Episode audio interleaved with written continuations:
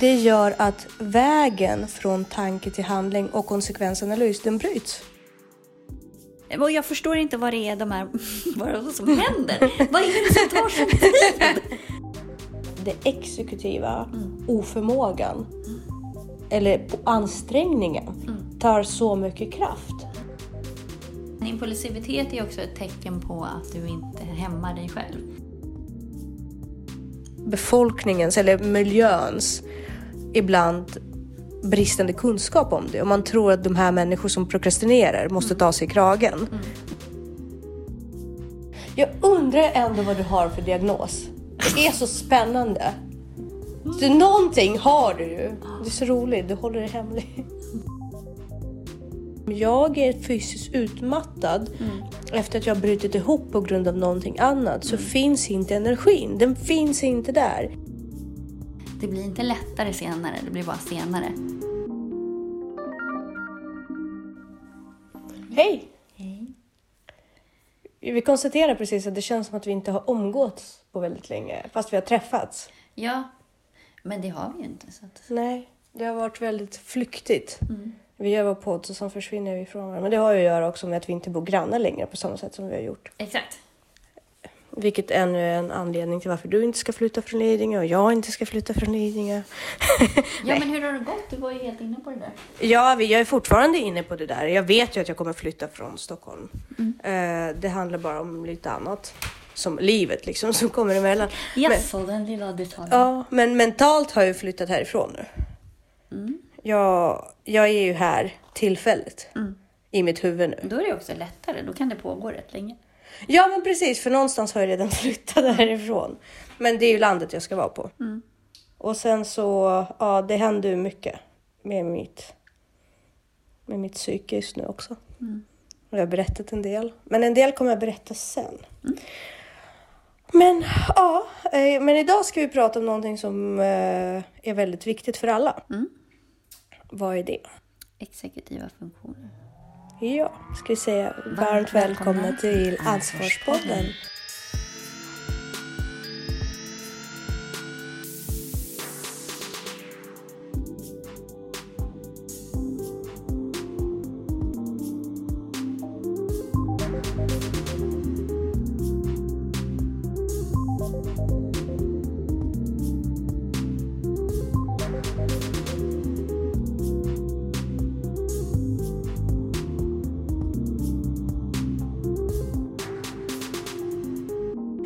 Exekutiva funktioner. Ja, vi har pratat om det här förut. många gånger.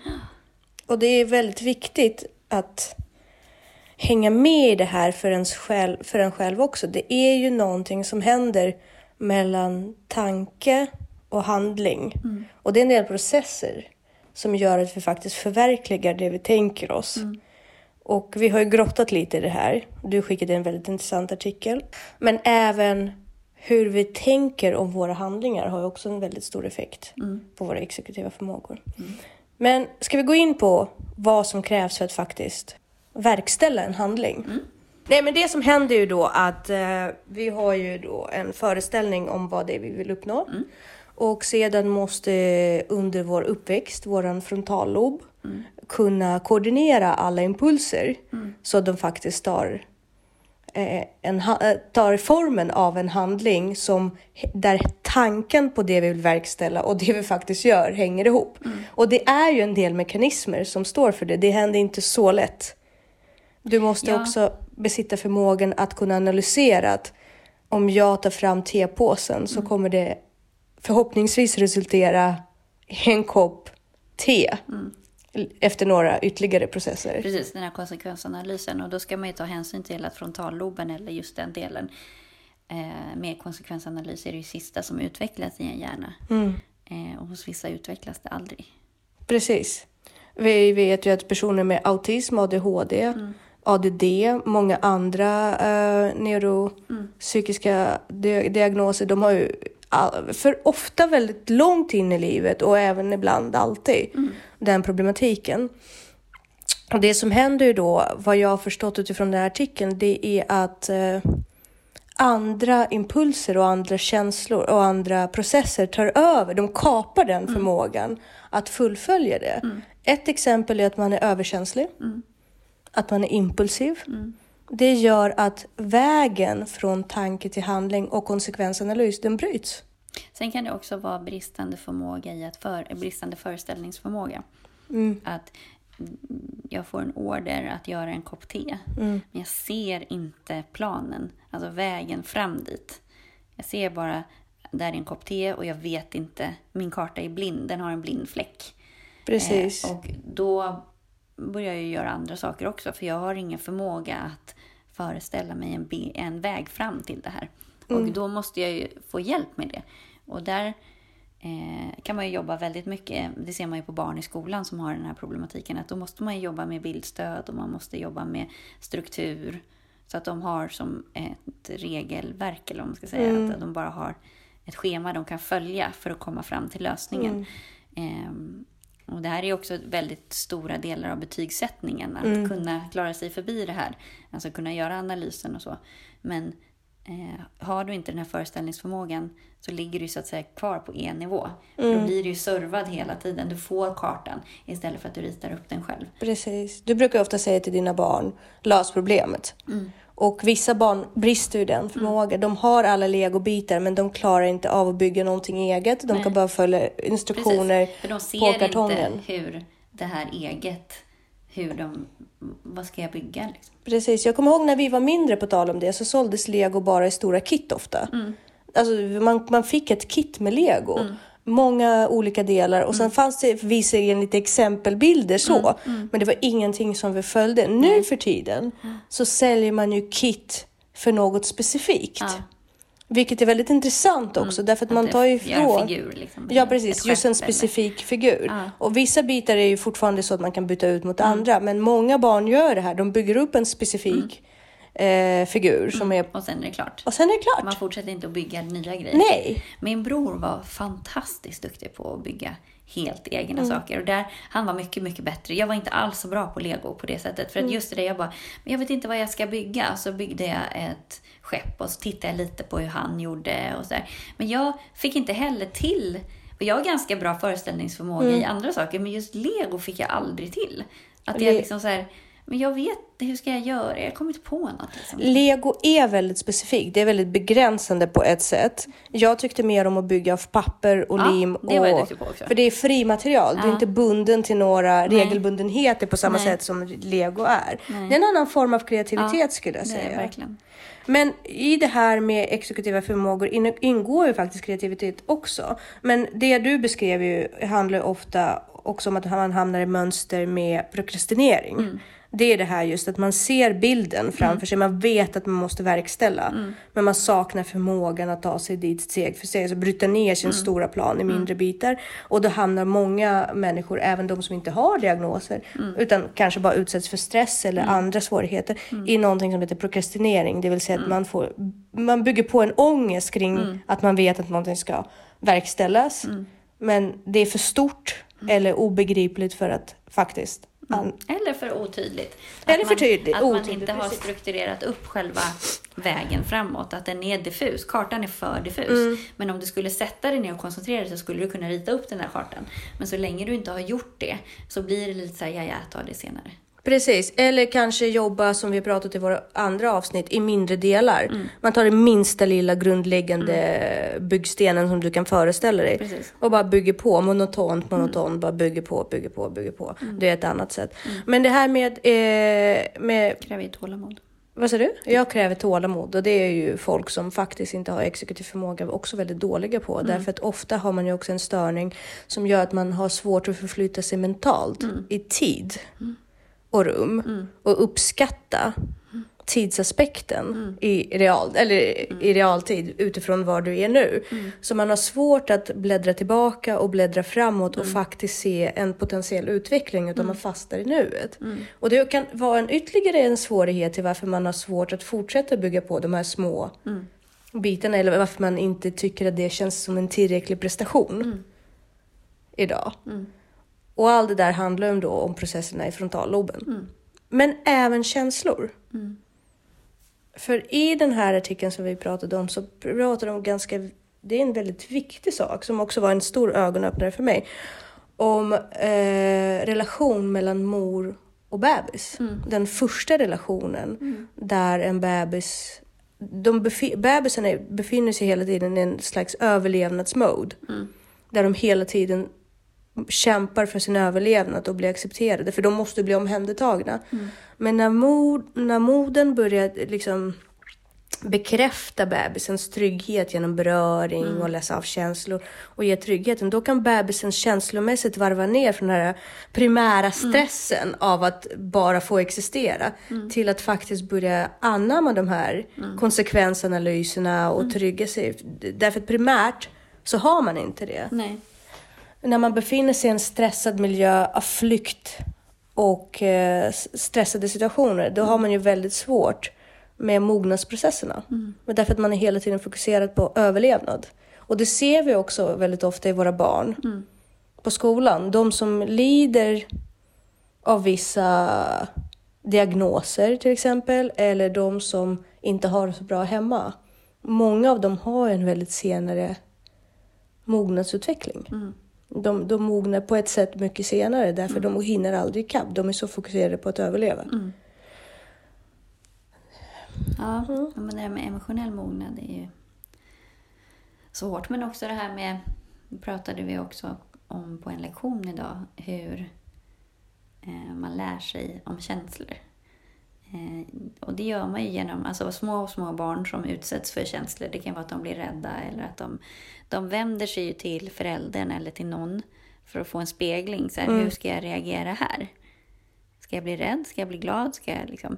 Och om man då möts av någon som inte finns där, eller tittar ner i telefonen, eller så, då måste jag ju hantera alla de här sakerna själv och då kan jag ju bli felprogrammerad.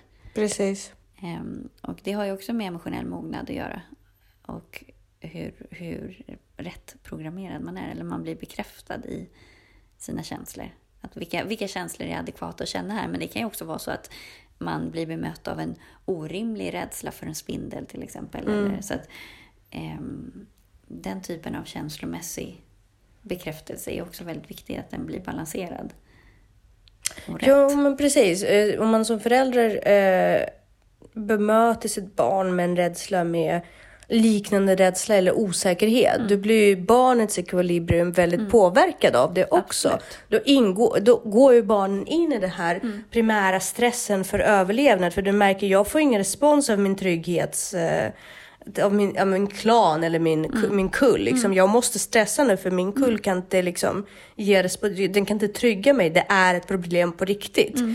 Och då går man ju in i den här överlevnad och stress och ångest till slut. Medan om en förälder hela tiden visar på att men vet du, det är inte problematiskt, vi Nej, kan ta vår precis. tid, Ja. vi kan lugna oss, vi kan prata igenom det. Känslan kommer gå över, vi fokuserar på lösning. Då blir barnens mognadsprocesser också eh, stimulerade därför Precis. att man hamnar i det här lugna med att känslan är bara tillfällig, det är en signal för någon, men du skrattar. Nej, jag bara kom att tänka på det här med lugn. Något som jag har blivit varse om är att mina barn är ju uppfostrade med mig. Vilket har gjort dem uppenbarligen väldigt snabba. Alltså alltid när de har kompisar hemma och de här kompisarna ska sätta på sig skorna eller vi ska någonstans så tar det jättelång tid. Alltså så lång tid så att jag blir provocerad. Alltså att jag blir, så här, jag blir otroligt otålig. Och så här, och jag förstår inte vad det är de här, vad är som händer. vad är det som tar så tid? liksom. Ehm, och då har jag ju då insett att mina barn, stackarna, liksom, de är ju drillade av mig. Ja, Så de vet ju att det är bara att skynda sig här. Ja. Alltså det är inte tid för någonting annat. precis. Medan det ska... Ja, alltså. Men du är ju otroligt duktig på det här med att prioritera din tid. Du ser ju verkligen tid som en resurs som många andra människor inte gör. Det ser man väldigt tydligt när man börjar umgås med dig väldigt nära. Det är faktiskt sant. Nej, men det är inget dåligt. Tvärtom. Jag måste säga att ofta så tänker jag i situationer av att prioritera kring tid, för jag har svårt överlag att prioritera bland saker. Eh, då tänker jag så här, hur hade Jessica hanterat den här biten? Och vissa saker, nej men vissa saker faller faktiskt bort när jag börjar sätta mig in i hur du hade tänkt. Och det gör ingenting därför att jag tänker så här, lös problemet, var målfokuserad. Och det, kom, det är liksom så här rösten som kommer från dig för att jag ser i, i vissa av de här sakerna så ser jag väldigt mycket upp till dig. Så att jag förstår att dina barn är så, för att du sätter dem i en liten så här överlevnadssituation där och då, därför att det primära är inte att sätta på sig skorna. Det primära är ju det ni, dit ni ska. Att jag alltid, mina barn frågar, har ju alltid frågat mig så här, Varför är det så bråttom? Ja, varför har vi så bråttom? Och jag, kan, jag blir alltid så här bara, ja men det är väl onödigt att ta lång tid på sig. Men jag kan ju komma på mig själv ibland att säga till folk, när, alltså folk som är nära mig. Jag skulle kunna säga det till dig också, för du är så pass nära. Så här, nu prioriterar du fel. Det alltså, om borde du du ska göra en grej och sen så börjar någon hålla på och fibbla med någonting. Eller gör saker i en Ja. ineffektiv ordning. Ja. Då kan jag faktiskt vara så fräck att jag bara, nu prioriterar du fel. Mm. Jag börjat säga till Viktor, vem äger processen? Ja. För han går in och så tar över vissa Ja. processer. Och då är det så här, fine, gör det, men då äger du processen. Ja. Och han säger, men vad fan är det här för snack? Vad då äger processen? Ja. ja, men det är väl lite så här, om du delegerar så får du släppa. Ja. Du kan inte delegera och sen fortsätta Och och, mikromanagera. Precis. Det är så här, det går Det, bort. det går inte, Nej. det, sånt finns inte. Nej. Men det var, var roligt att, eh, att, att, vi, att vi gör så. Mm. jag bara tog mig in på din nivå på en gång. Du bara, är över min nivå. Nej, nej, Jo, gud nej. Men, men det är roligt, för det har jag märkt med Elisabeth också. I Mm. vissa saker är hon ju otroligt stressad. Och jag är också så här. Fast vet du, om vi säger att vi ska ut nu, då borde skorna redan varit Ja, på. precis. För annars så kan jag göra någonting annat. Ja. Det, det finns ju inte i min värld att jag står och väntar på att hela familjen ska sätta på sig Nej. skorna. nej, nej, nej. Och jag förstår inte hur det kan ta eh, tre minuter att sätta på sig ett par skor. Jo, men det är för att de andra i, i deras familj prioriterar inte heller. Ja, men vad är det som, hur... Men man kan ju Men det fundera här är en brist lite. hos mig, att jag är så fruktansvärt otålig. Alltså, Men det får ju- handlar inte om att du är otålig. Du har ju en plan. Jo, du jag- ledaren av flocken. Jo, fast jag blir också så här, jag kan komma på mig själv och stå och titta på och bara... Och jag så- kan inte lista ut vad det är som tar sån tid. Det kan vara olika saker. Man kan, jag kan relatera till det på ett Ja, sätt. aha. Man kan till exempel sätta på sig skorna fel. Alltså men då är det fot. ouppmärksamhet från början. Ja, det är klart. Ja, Ja, då, ja, då men- är man ju inte där. Då är det inte skor. Nu sätter jag på mig skorna. Nej, fokus på det. nej, liksom. Jessica, ta det lugnt. Alla funkar. Jag blir så provocerad. provocerad av allt. Ja, ja, man är inte där, man tänker på någonting annat. Man vill egentligen inte sätta på sig skorna till en början. Att sätta på sig skorna är till en början en obehaglig process. Elisabeth hatar den processen. Hon kan prokrastinera. psykologi här. Ja, ja, men hon kan faktiskt prokrastinera för skopåsättning. Och nu lät det jättefel. Så att i hennes värld Ja. så kan det ta otroligt lång tid. Det är därför jag brukar säga en kvart innan vi går ut att nu är det dags att sätta på sig skorna. Och sen får hon förhålla sig till det. Ja. Hon kan sätta på sig dem mycket fortare och sitta och fippla med mobilen i hallen. Mm. Men när jag går ut i hallen, då är det bara att lyfta på väskan och gå därifrån. För jag väntar inte heller. Mm. Nej. Jag undrar om vi är störda. Ja. Nej, men det är ju det är dumt av mig att vara så fruktansvärt otålig. Jag å andra sidan har aldrig... Jag har ett... En gång på hela mina två barns uppväxt har jag haft ett barn som ligger i hallen och skriker för att den inte ville gå. Och det var lite svårt att sätta på overallen. Så att jag har ju inte, jag har inte den problematiken. Nej, jag har. De hinner nog inte ens tänka efter. Det går så jävla fort liksom. Ja men precis, du ger dem inte chansen. Det är verkligen vinna eller försvinna. Ja, Om du ska in i den här bilen så borde du sitta i den redan nu. lite så. Ja, Nej, jag är nog väldigt hård mot dem. Gud vad hemskt, jag är så jävla stressig. Fast jag ser inte det. Jag ser det som att du ger dem massor med tid för annat. Ja, absolut. Än att sitta och sätta på sig skorna. Och det visar också vad man ska prioritera i livet överhuvudtaget. Men jag, det är ju bland det värsta jag vet, så är det ineffektiva människor. ja. Jag blir så provocerad och så trött. Men jag, jag kan fortfarande inte förstå hur du och jag omgås. Alltså jag förstår inte varför du, du överhuvudtaget kan omgås med mig. Hur menar du nu? Men jag är ju så ineffektiv. Alltså jag Det försöker verkligen vara effektiv, men jag är ju verkligen inte det. Jo, men du är ju där du ska vara på rätt tidpunkt. Ja, Och redo. ja ish. Jag gör mitt bästa, men jag är inte så Ja, effektiv men vadå, du kommer ju inte för sent. Jag In- kommer ibland sent. Nej, inte när vi träffas. Nej. Det är inte så här att du ska hålla på om, Ja, jag är om rädd vi för har dig. Jag är ju rädd att du kommer lämna mig och jag åker iväg. och aldrig komma tillbaka. Så för mig är det en överlevnadsfråga. jo, men för jag är uppfostrad så. Bilen går nu. Sitter du inte i bilen får du lösa problemet. Ja, jag tror att jag behöver den approachen väldigt mycket i mitt liv. För att jag överhuvudtaget ska kunna fokusera på rätt saker. Nej, men jag tycker verkligen inte du är alls om vi ska göra någonting. Det är ju inte så här att du börjar packa när man kommer eller att du... Jag tycker Mm. alltid du står som en liten soldat och väntar. ja, som sagt, jag är rädd att tåget kommer gå och jag är inte på den. Och jag, jag vet liksom lite att med dig kan det vara en option. Inte för att du inte är en sån person, utan du kommer säga så här, du kan hänga med nästa gång, men jag vill ju hänga med den här gången. Så du har förmågan. Jag har förmågan när jag drivs av uh, överlevnads... överlevnads... Jo, men det är ju det vi drivs av. Skräck eller belöning. Eh, Det är bara två, vilken- de två drivkrafter vi har. Ja, Eller hot eller belöning. ja. Jag blev rädd och intryckte Så det min... kan vara ho- motiverad eller motiverad. Ja, Det är sant. Jag har inte tänkt på det så. Men, men det intressanta är ju här till exempel att när jag har tagit centralstimulerande ämnen så har jag ju märkt i mig själv en markant förbättring av exekutiv förmåga. Vilket gör ju att jag inser verkligen att det är någonting som jag har behov av. Därför att när jag inte tar centralstimulerande ämnen så blir ju det som lider i mitt liv, det är mina emotionella eh, kapaciteter. Jag till slutet av dagen eller veckor eller när jag har mens eller när det blir påfrestande. Jag är inte kapabel till känslor, vilket skrämmer mig otroligt mycket för jag är en väldigt kärleksfull person till grunden. Jag är verkligen det. Och beroende av beröring och kärlek och liksom, ja, du vet som alla normala människor så. Men, men, men jag finner mig ofta i en situation där det exekutiva, oförmågan, eller på ansträngningen tar så mycket kraft att jag sitter helt tom på känslor och livslust och livskvalitet.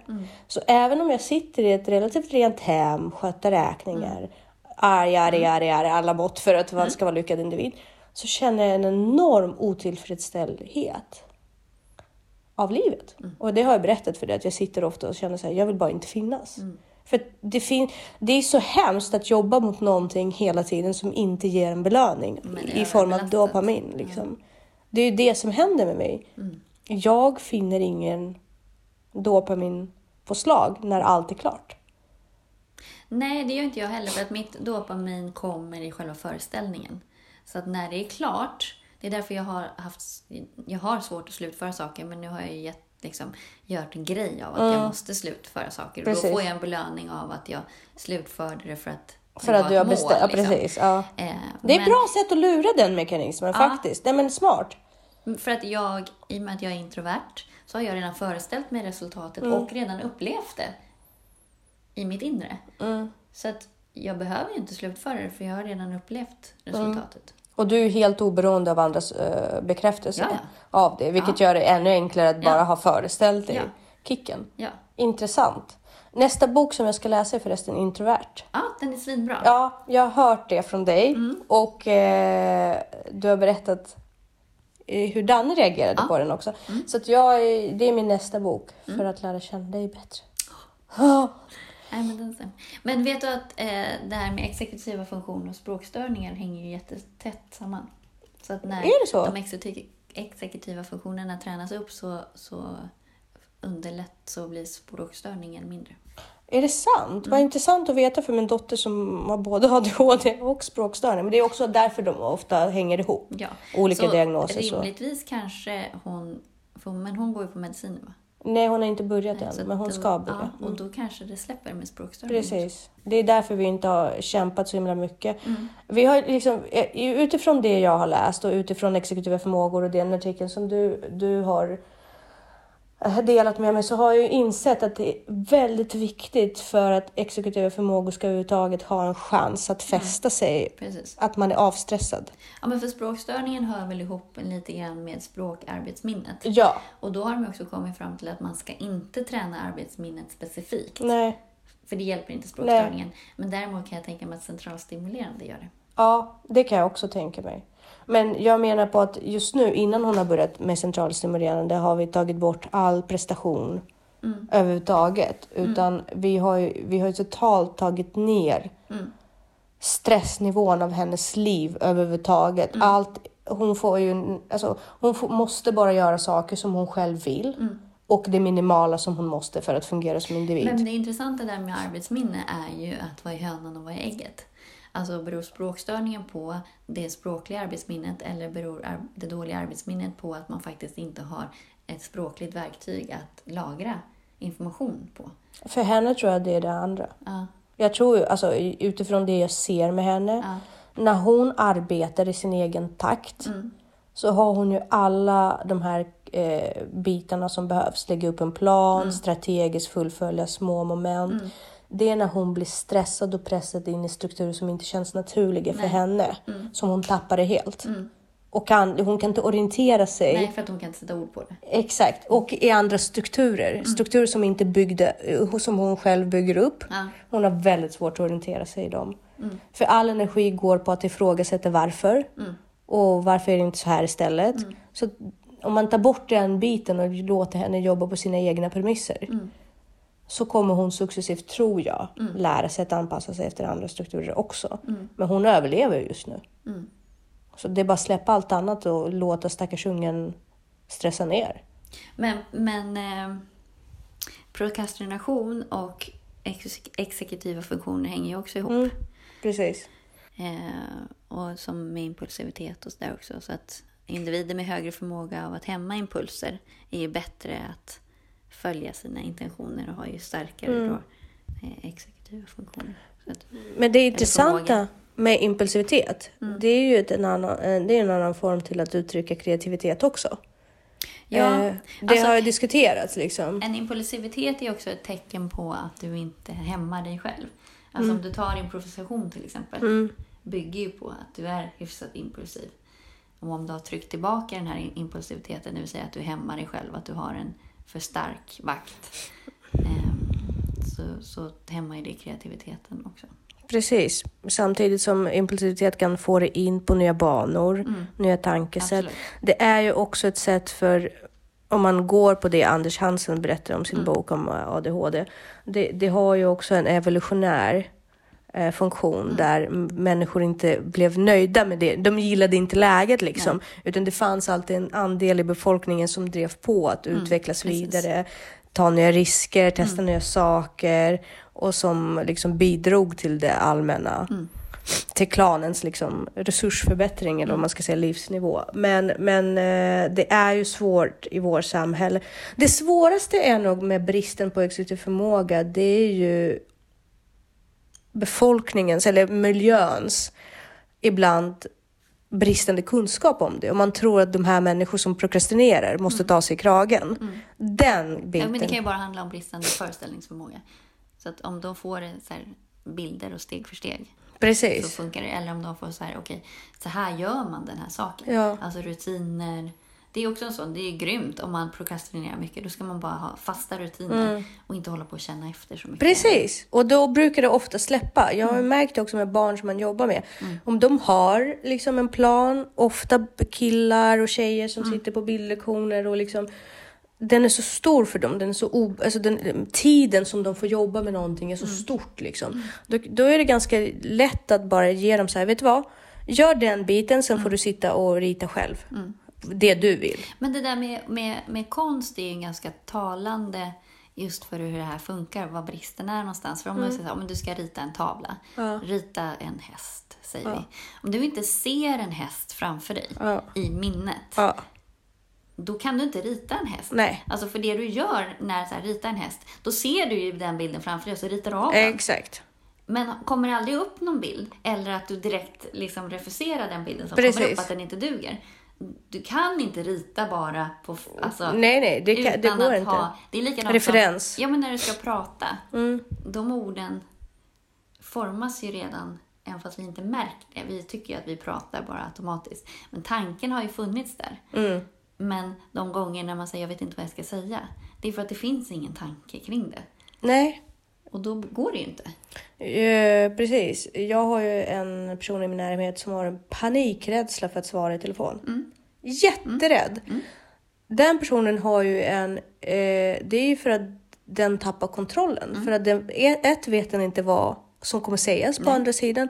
Och den här personen är skygg och eh, socialt introvert annars Mm. också. Men i miljöer där man ser och Mm. har andra sätt att orientera sig på, då kan man ändå för, liksom förebygga det Mm. på ett sätt. Men nu ringer någon. Jag vet inte vem Mm. Nej. det är. Jag vet inte var det kommer ifrån. Jag vet inte ens hur jag ska attackera den Nej. här. Den här liksom. Då blir det otroligt jobbigt. Ja, det är lättare. det är ja, jag kan inte förstå det. Det är lättare för den personen att ringa upp själv. Ja, absolut. För då är man förberedd. Precis. Jag svarar inte om jag inte vet Nej, nej. Ja, precis. Men du svarar alltid till mig. Ja, men jag vet ju vem det är. Jag är inte hotfull. Nej, men om det är folk jag känner, då svarar jag ju. Men Mm. Ja, jag jag, svarar inte, all, jag svarar aldrig om jag inte vet vem det är.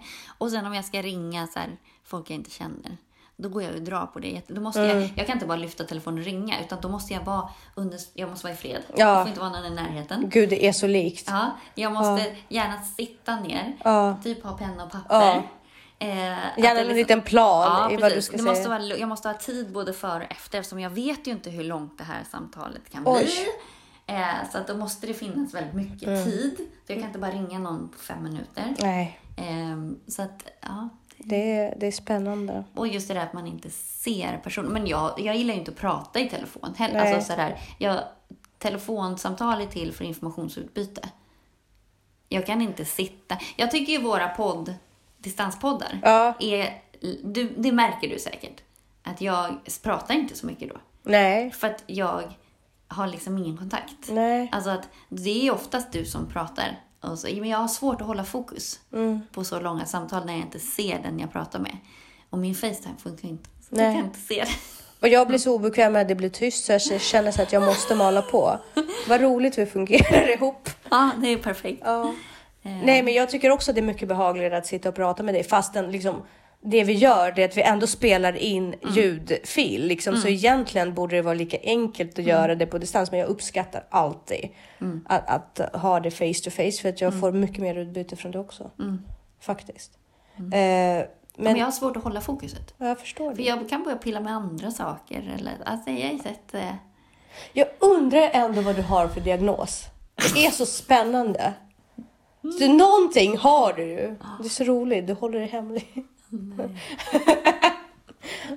Jo, men jag har en diagnos. ja, Men jag vet inte om den stämmer. men den, den, den har ju vi alla Har vi pratat om den? om GAD. Ja, ja, Men den har vi ju alla för att vi blev diagnostiserade innan man började ta till sig andra Ja, den möjligheter. känns här. jag tycker inte den stämmer så mycket på mig. Eller den stämmer ju lite, men jag tycker, tycker att det finns andra diagnoser som stämmer bättre. Nej men den stämde bra när jag var i tonåren och allt det här började dyka upp. När jag blev så här hela tiden förföljd av så här panikkänsla jag av att jag då, inte då stämmer. tycker jag bipolariteten stämmer bättre på dig Ja, än GAD. Ja, jag vet inte. För det är ju inte så att vi går inte runt och oroar oss jämt. Och liksom, Nej, nej, ibland. Jag, jag vet inte om du såg den storyn. Alltså majoriteten av tiden när jag går till jobbet till exempel. I mitt huvud, jag har ju sån endorfinpåslag så att liksom, de flesta narkomaner skulle bara vara avundsjuka. För att jag kan gå runt och sjunga och Ja, dansa. Ja. i skogen Ja, ja. på riktigt. Ja, jag alltså, med. Gud. Du vet, Lätt. bara, alltså, Men vad- gör inte alla vem det? gör så? Jag gör inte alla det. Nej men alltså jag, jag har ju aldrig sett folk göra det. Så Nej, men man inte- gör det ju inte när någon kommer för man fattar ju man att det fa- man, alltså, Du har ju hörlurar, någon kommer ju alltid bakom. Har du någonsin sett en annan människa? Hela min tonår gick jag runt och bara sjöng högt med hörlurar Ja. i huvudet när jag var ute och gick med min hund. Men det var ju typ sex på morgonen i skogen så det var ju, jag gick ju där folk inte var. Men alltså folk lär ju ha hört det på håll alltså. Ja det tror jag. Alltså Det har ju gått rykten på Om. Lidingö Om. den där galningen. Ja, Nej, jag skojar. ja. Håll Som- ja, men som Nej, men nu provocerar vi många också att vi håller på här med det. Vi är så lätt, lättsamma med diagnoser. Nej, men jag det tror att det är är också att för oss är inte en diagnos något det är inte stigmatiserat för Nej. oss. För de allra flesta blir ju förnärmade om man hävdar, alltså med så här, men det är lite ADHD på det, eller det är Ja. lite Asperger. Eller liksom, folk tar ju det så här, "Åh, det är något fel. För mig är det verkligen inget. Gud, för mig om någonting så är det en förklaringsmodell för Ja. så mycket. Ja, och det är lättare att, så här, man kan inte dela in folk i fack, men alla delar in folk i fack. Handlar inte om för mig att dela in folk i fack. Det handlar snarare om att dela in mig i ett fack. Ja, men det handlar också för mig Jag om att förstå hur du tänker. Ja. Och om du, okej, då är du, har du Aspergers symptom, då, då ska man tänka så här. Mm. Eller, det handlar bara om hur man förhåller sig. Ja, men det är till- som att förstå den, den, specifika personens... jag är fullt medveten om att det är väldigt provocerande att, att vi gör så här. Och att vi är alldeles för lätt... Alltså det är skill- vi ska egentligen inte prata om diagnoser, vi ska prata om symptom. Eh, eller drag av. Ja, precis. Vet du, jag kan säga så här, det här är vår podd. Nej men alltså på riktigt, nu är jag här bekväm med kläderna. Och om någon känner sig provocerad, alltså på riktigt har hört Ja, men vår rent podd- medicinskt så kan man inte bara hävda, äh, kasta ur sig såna här saker Nej, som vi men gör. jag tror också att eftersom vi befinner oss i en miljö där utredningar, diagnoser Mm. och allt därtill är en så naturlig del av vår miljö. Därför att i skolan blir barn utredda Mm. Hela ja, tiden. Och vi Det kan, ju- ingen- det finns ju ingenting, alltså jag tror att där blir man provocerad av det, då är det nog för att man själv ser diagnoser som något negativt. Precis. Och vi gör ju inte det. Alltså det är bara en del av vilka folk är på samma sätt som man är astigmatisk eller man är färgblind eller Precis. att man har Vi ser ju inte det som vänster- negativa Nej, det- bitar, liksom, nej, utan vi ser det snarare som en förklaringsmodell för Ja. att komma åt den Ja, personen precis. och kunna inkludera den på ett Ja. bättre sätt. För oss handlar det väldigt mycket om det. Det är samma sak när, när min dotter fick ADHD-diagnos. Då gick jag in med tårtor i personalrummet. Mm. Ja. Inte för att fira det faktum att hon har en Mm. funktionsnedsättning. Men för att jag var så tacksam för att jag fick en förklaringsmodell så att jag kan bygga vår relation bättre. Ja. Så att jag tror att de som blir provocerade av det här ska Mm. inte vara det. För för oss är det bara ett sätt att bättre kunna inkludera. Ja, och vi, det går ju inte, alltså, nej, det är inte något negativt. Om vi skulle tycka att diagnoser var något negativt eller något, då skulle ju vi se ner på hälften av alla eleverna vi har. Ja, absolut. Det går, alltså, det har, diagnoserna har ju, det bara talar om hur de fungerar och det är liksom lite struktur och lite, det är också för samhället ett sätt att hjälpa. Ja. Sen så finns det ju, det finns ju så otroligt stora variationer inom en diagnos. Och alla är vi människor så det vi är väldigt- olika per definition. Ja, så det är Så trubbiga verktyg. Så att vi ska Mm. kanske säga symptom då hellre. Det stämmer ju mer. Men, Men, men poängen är ju väldigt viktig ändå. Det är bra nog att du lyfter det för jag tänker inte på det alls. nej, men vi poäng- gör ju inte det. Vi är ju yrkesskadade. Precis, vi, det, ett så är vi yrkesskadade och två så är det här både i ditt fall, i mitt fall ligger det här så nära hjärtat. Jag älskar ju om folk förstår Mm. mina svårigheter. För då känner inte jag mig som ett missfoster, Nej, vilket jag precis. ofta har gjort i mitt liv. Att jag känner mig missanpassad och sådär. Så för mig att kunna ge någon en hashtag på mig själv handlar inte om att jag vill vara speciell på något sätt. Det handlar om att, vet du, jag har de här svårigheterna, vad gullig du är som kommer orka förhålla dig till det. För då kan jag vara lite mig själv och vara lite Precis. bekväm. Så att så tror jag att vår jargong kring det liksom tillkommer utan, utan en plats av inkludering. Liksom. Så, men intressant också med, om vi återgår till det exekutiva är ju det metakognitiva som är väldigt intressant utifrån till exempel folk med både bipolär sjukdom, eh, ADHD, folk som har exekutiva problem i sin diagnos. Då då. Men även andra människor som inte har en diagnos men bara rent av har svårt att verkställa vissa saker eh, av någon anledning, oförmågan. Det är hur svårt det är att inte bryta ner sin självkänsla på grund av det. Precis, och där måste man ju skilja på det här sak och person. Precis. Och det är därför det också kan vara skönt att få en diagnos. För det är så många som säger det. Så här, jag trodde att jag var dum. Jag trodde bara jag var Exakt. dum i huvudet. Lat. Ja, Oförmögen. skönt Liksom. att få det bortkopplat. Så här, okej, jag har de här äh, Svårigheter. svårigheterna. Mm. Det betyder inte att, att jag är off the hook. Men det betyder att jag är inte dum i huvudet. Men jag måste bara jobba med vissa grejer. Det finns en, en eh, jätteintressant eh, uppsats som pratar om det här med exekutiva förmågor och prokrastination. Mm. Som ger en lite så här bättre bild av det. Jag skickade en artikel till dig också med just hur man kan tänka att det handlar inte om att Dels kan ju de här exekutiva funktionerna tränas upp Mm. och vi har alla brister på av dem ibland. Men det är också en diagnos är inte för alltid. Nej. Utan du kan Arbeta träna bort det Mm. genom att träna de här exekutiva funktionerna och att, genom att du förstår, okej, det kanske handlar om min föreställningsförmåga.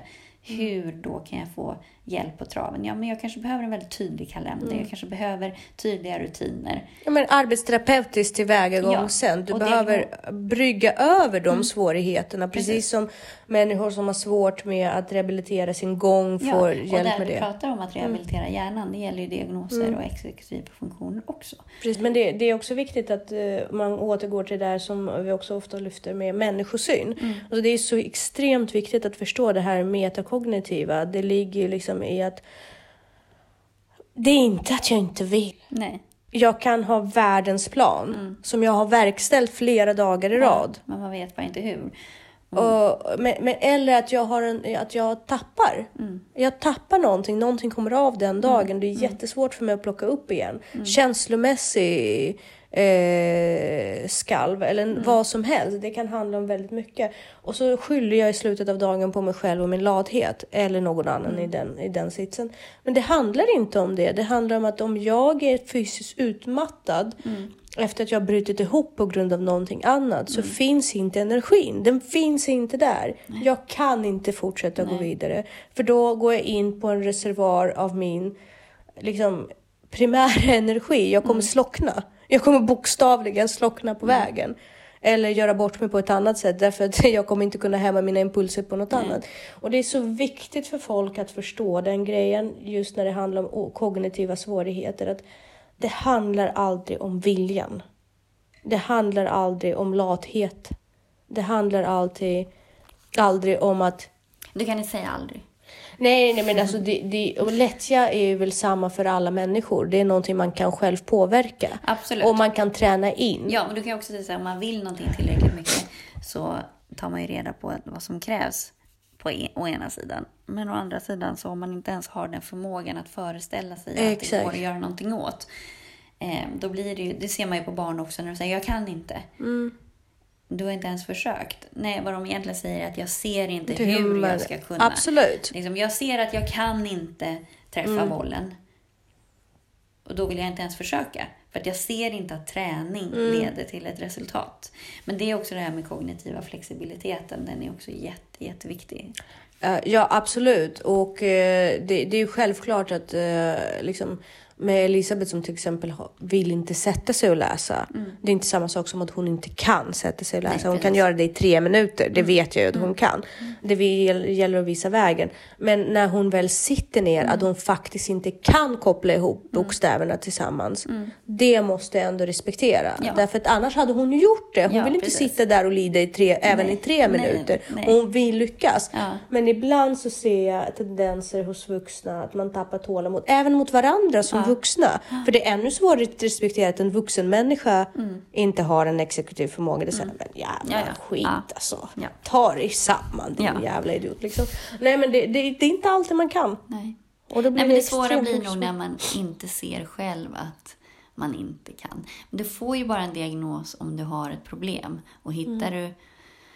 du liksom, strategier Mm. Eh, så har du ju inte en diagnos. Nej. Vilket tyder på att det är ett spektrum eller det är flytande. En diagnos är inte fast. Nej. Eh, För du kan ha två individer som har exakt samma problematik varav den ena har knäckt koden och lärt sig hantera det Precis. och hittar en strategi och den andra är ett offer. Eh, Och det är det som är... Jag tror någonstans att du kan alltid men du måste ju veta vad det är du ska göra. Ja, precis. Och det, det är intressant det du säger strategi. Det handlar också om vår förväntning på livskvalitet också. Mm. Ja. Mm. Vissa lär sig att gilla läget där de är och de, de, de liksom accepterar Mm. konceptet. Och det, vi är olika, hjärnor funkar väldigt olika. Och Mm. har man accepterat konceptet och funnit sig där man är i sin plats i, si, i sitt liv. Fine, du kanske accepterar den typen av lidande eller för, oförmåga, oförmåga till att känna. Mm. Men i mitt fall till exempel så vet jag ju rent rutinmässigt hur mitt liv ska fungera. Jag gör det verkligen. Jag vet hur jag ska träna, jag vet hur jag ska äta, jag verkställer det. Men sen räcker inte jag till emotionellt. Nej. Då är det ett problem för mig, för jag, jag accepterar inte det. Nej. Det finns inte i min värld att jag ska acceptera att jag inte kan känna, att jag är oförmögen till det. Och då måste jag liksom åtgärda den biten. Men det gäller ju att göra jobbet. Det är inte enkelt. Nej. Centralstimulerande löser ju inte Nej. Eh, det faktum att det är en funktionsnedsättning om jag nu skulle få igenom min, min diagnos. Så. Men, men det är viktigt att förstå att jobbet ligger ju definitivt hos den som har den som äger problemet. Men man måste också alltid se ur dennes perspektiv. Men det finns ju en anledning till när du har de där riktigt tuffa dagarna att den första tanken är så här. Är det någon som har amfetamin? Ja, ja, eller hur? Nej men alltså precis. Eller överhuvudtaget, varför ska jag ens? Varför ska jag ens gå upp? Alltså varför det- ska jag det- ens försöka? Ja, och där kan man ju också... Man har ju den här liksom... Eh, plikten. Nej men det enda anledningen till varför jag gör det, det är ju Elisabeth. jag måste gå upp därför att hon måste se att man måste fungera. Jag tänker nog att, att jag är i och för sig ganska väl utvecklad konsekvensanalys. Det blir så mycket jobbigare om jag inte Det gör det. Det är alltså, så här, det har nu räddat mig många gånger. Att jag så här, det blir bara jobbigare sen. Bara gör Ångesten, det. ja. Ja, men det, det, jag brukar, det här sommarpratet jag skickade till dig med Mm. Raymond Ahlgren. Just det, där, det är ganska talande. Så här, det blir inte lättare senare, det blir bara senare. Det- Och då kan precis. jag, när jag hårdrar det, kan jag så här, jag- har någonting som jag ska fixa i huset Mm. till exempel. Så bara, är det inte bättre att göra det på en gång så att du får bo i det här? Mm. Så att det inte blir så här att när du ska sälja så fixar det och så fick du aldrig bo i det. Ja, men Alltså så här, exakt. är det inte bättre att göra allting så bra som möjligt och så fint som möjligt på en gång så att du hinner njuta Mm. av det? Det är väldigt smart liksom- approach. Väldigt smart approach. Precis. Precis. Att det bara inte blev. Nej. Och samma sak när man ska hämma sig själv från att göra någonting när man vet att man inte borde för att man är för trött eller utsliten. Som till exempel, nu har jag varit sjuk hemma i flera dagar. Jag har sagt nej till en träningsgrupp, jag har sagt nej till jobb, jag har sagt nej till träning, jag har varit dålig med kosten. Men jag har också liksom dragit konsekvensanalysen av att fyra dagar gör ingenting. Men om jag inte vilar ut nu, då kommer jag dras med det mycket, mycket längre, längre i framtiden. Jag vet det, det kommer påverka hela min höst. För att jag har den erfarenheten. Så att ja, jag skulle kunna genomlida den här veckan och ändå fortsätta. Nu är det så här risk för att man smittar andra också, men, men säg det. Men det är inte värt det för att jag kommer dras med det här och falla tillbaka vecka efter vecka och vecka efter vecka. Men jag vill inte. Jag vill springa ut och göra saker oavsett. Men man lär sig med åren. Men, men, men ja, huvudsaken är ju då att att man ska ändå göra allt i sin kapacitet. För att inte för att inte sluta anstränga sig. Precis. Därför att när du väl har lärt din hjärna det är okej att ge upp, då är det väldigt svårt att få den att, att verkställa. Och det blir, ingenting blir bättre då. Inga Nej. exekutiva förmågor förbättras när du har lärt din hjärna att Nej. ge upp faktiskt. Precis. Nej, det blir inte lättare sen. Det blir bara sen. Det blir bara senare. Ja, och. Och ofta svårare Det dessutom. här med också hög standard. Ja, hög standard är viktigt. Ja, vi kan rekommendera det sommarpratet. Det är Ja, lite det- inspirerande. Absolut. Hög standard är väldigt viktigt.